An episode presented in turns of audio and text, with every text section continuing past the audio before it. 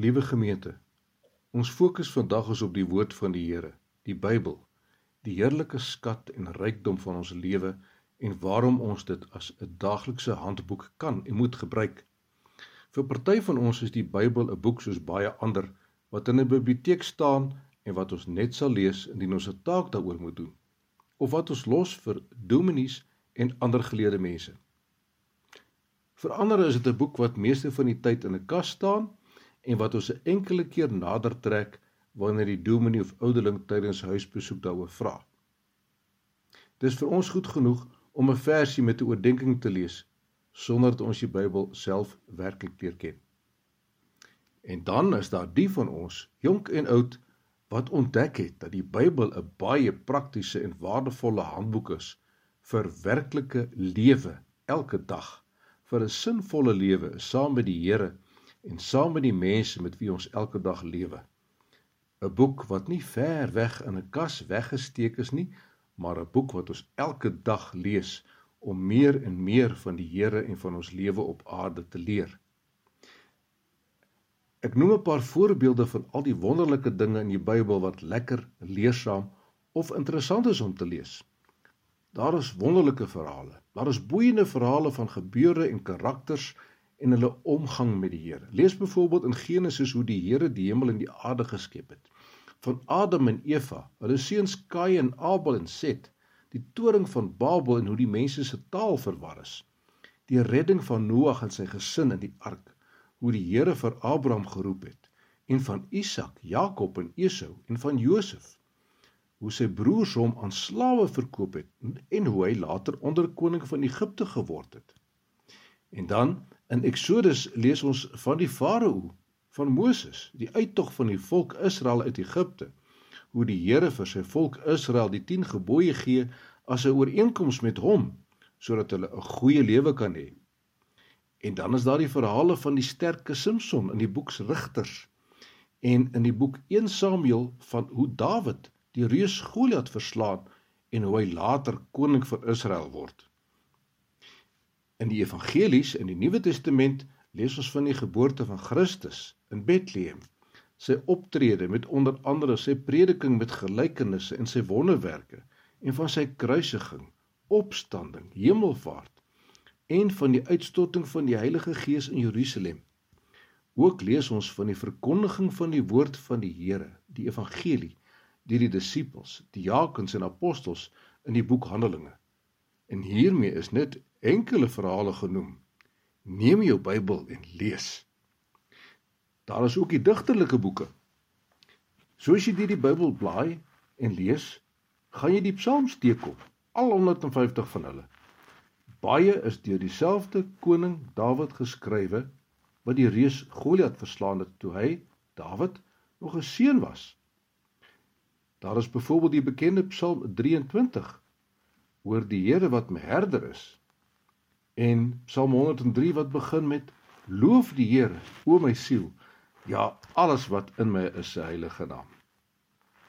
Daar is die boek Spreuke wat vol van wysheid is met voorbeelde oor die optrede van verstandige en onverstandige mense. Jy moet die beskrywing van 'n knap vrou in Spreuke 31 lees is omtrent 4000 jaar gelede geskrywe en is vandag nog net so treffend.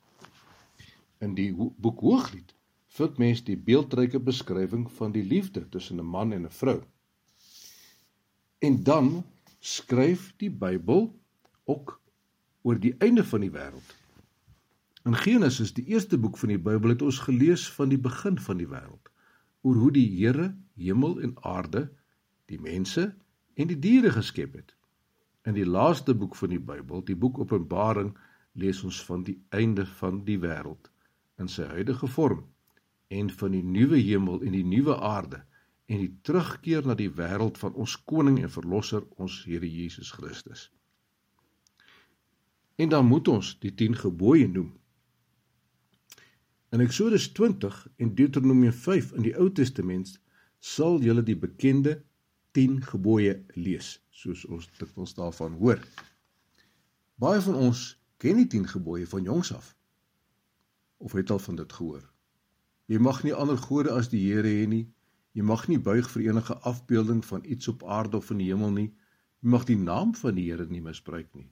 Ons moet ons ouers met eerbied behandel.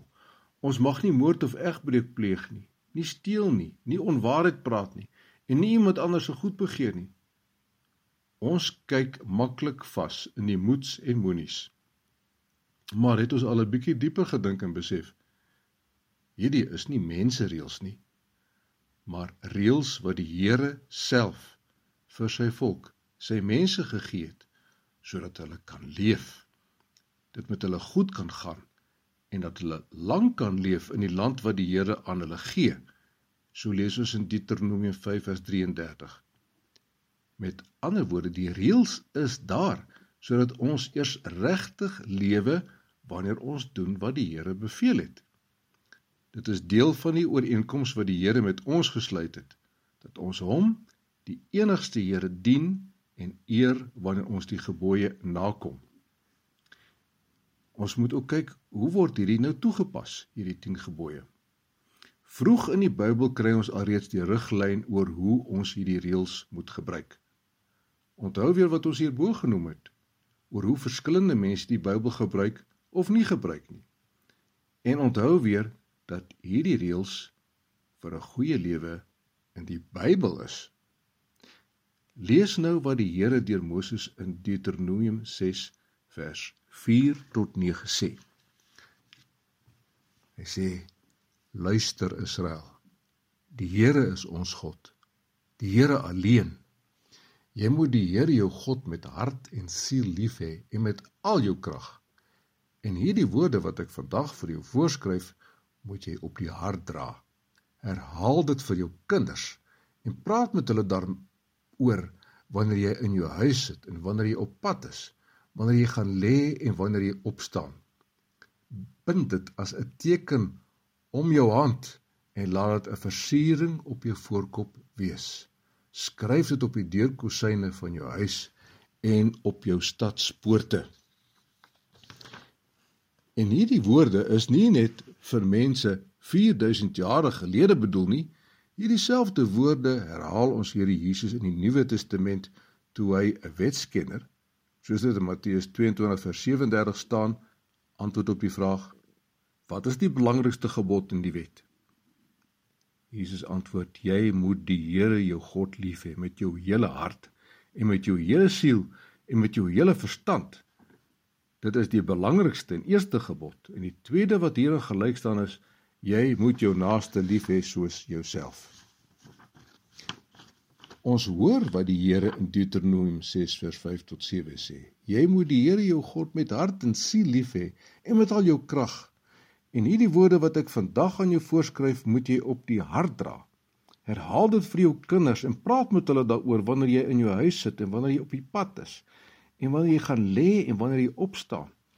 Ons hoor dit baie duidelik.